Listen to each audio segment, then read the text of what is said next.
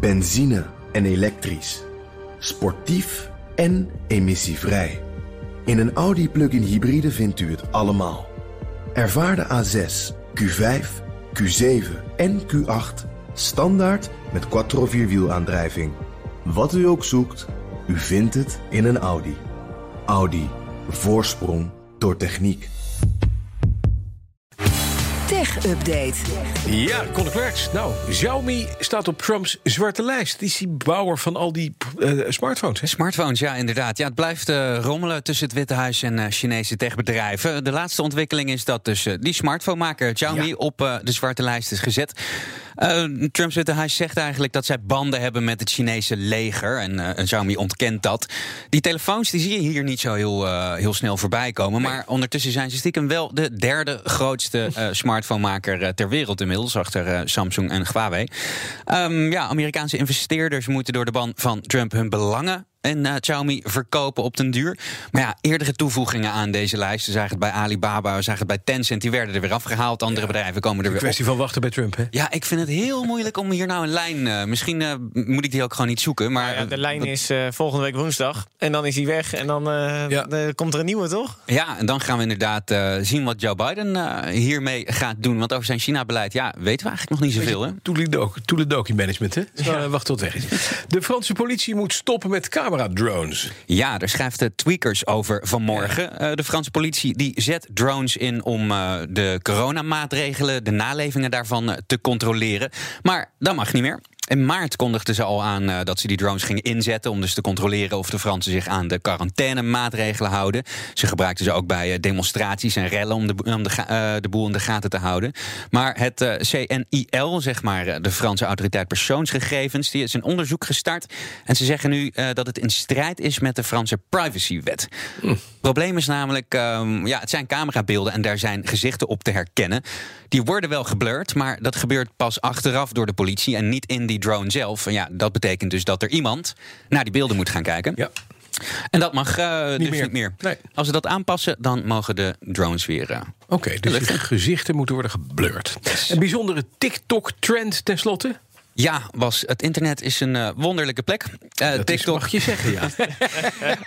ook TikTok is eh, een wonderlijke plek. Het is heel erg eh, 2021, hè, dat medium met allerlei filmpjes. Heel groot, heel jong publiek.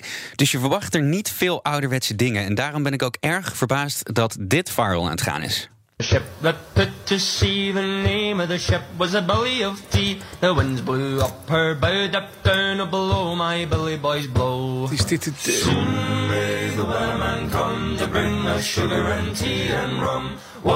Is, dit, is dit een Ierse folksong? Conor Dit zijn sea shanties. Dat zijn liedjes die dus honderden jaren geleden op eh, walvisjachtschepen werden gezongen. Om een beetje de moraal erin te houden. Wat, wat is een Wellerman?